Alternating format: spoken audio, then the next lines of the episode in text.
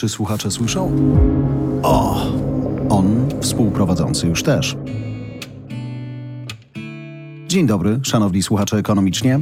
Jesteśmy już razem ponad 100 odcinków. To bardzo długi czas i bardzo za niego dziękujemy.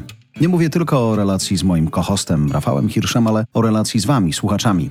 Patrząc na całe Voice House, na całą sieć podcastów Voice House, jesteście najliczniejszą grupą, najbardziej zaangażowaną, najszybciej reagującą i chyba najskuteczniej udostępniającą sobie tę wiedzę. Bardzo, ale to bardzo za to dziękujemy. Chcielibyśmy Was zapytać, jakie tematy Wam dzisiaj coraz bardziej w duszy grają, bo zdaję sobie sprawę, że ekonomicznie kontekst jest idealny. Czasy takie, że chcemy wiedzieć więcej, rozumieć więcej i wydawać mądrzej, bo mamy mniej do wydania.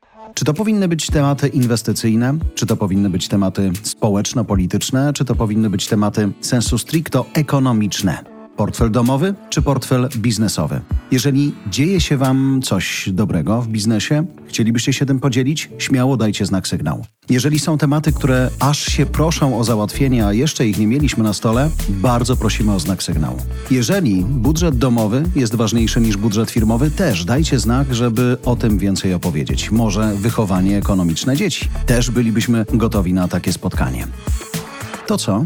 Kontakt małpa kuźniarmedia.com albo każda możliwa platforma social mediowa, gdzie jesteśmy. Możecie też w każdej chwili wpaść na Apple Podcasts i zostawić nam recenzję, poza pięcioma gwiazdkami. Jeśli oczywiście zasłużyliśmy, to samo na Spotify, choć tam mamy ponad 1300 waszych pozytywnych reakcji. Ale marzymy o więcej.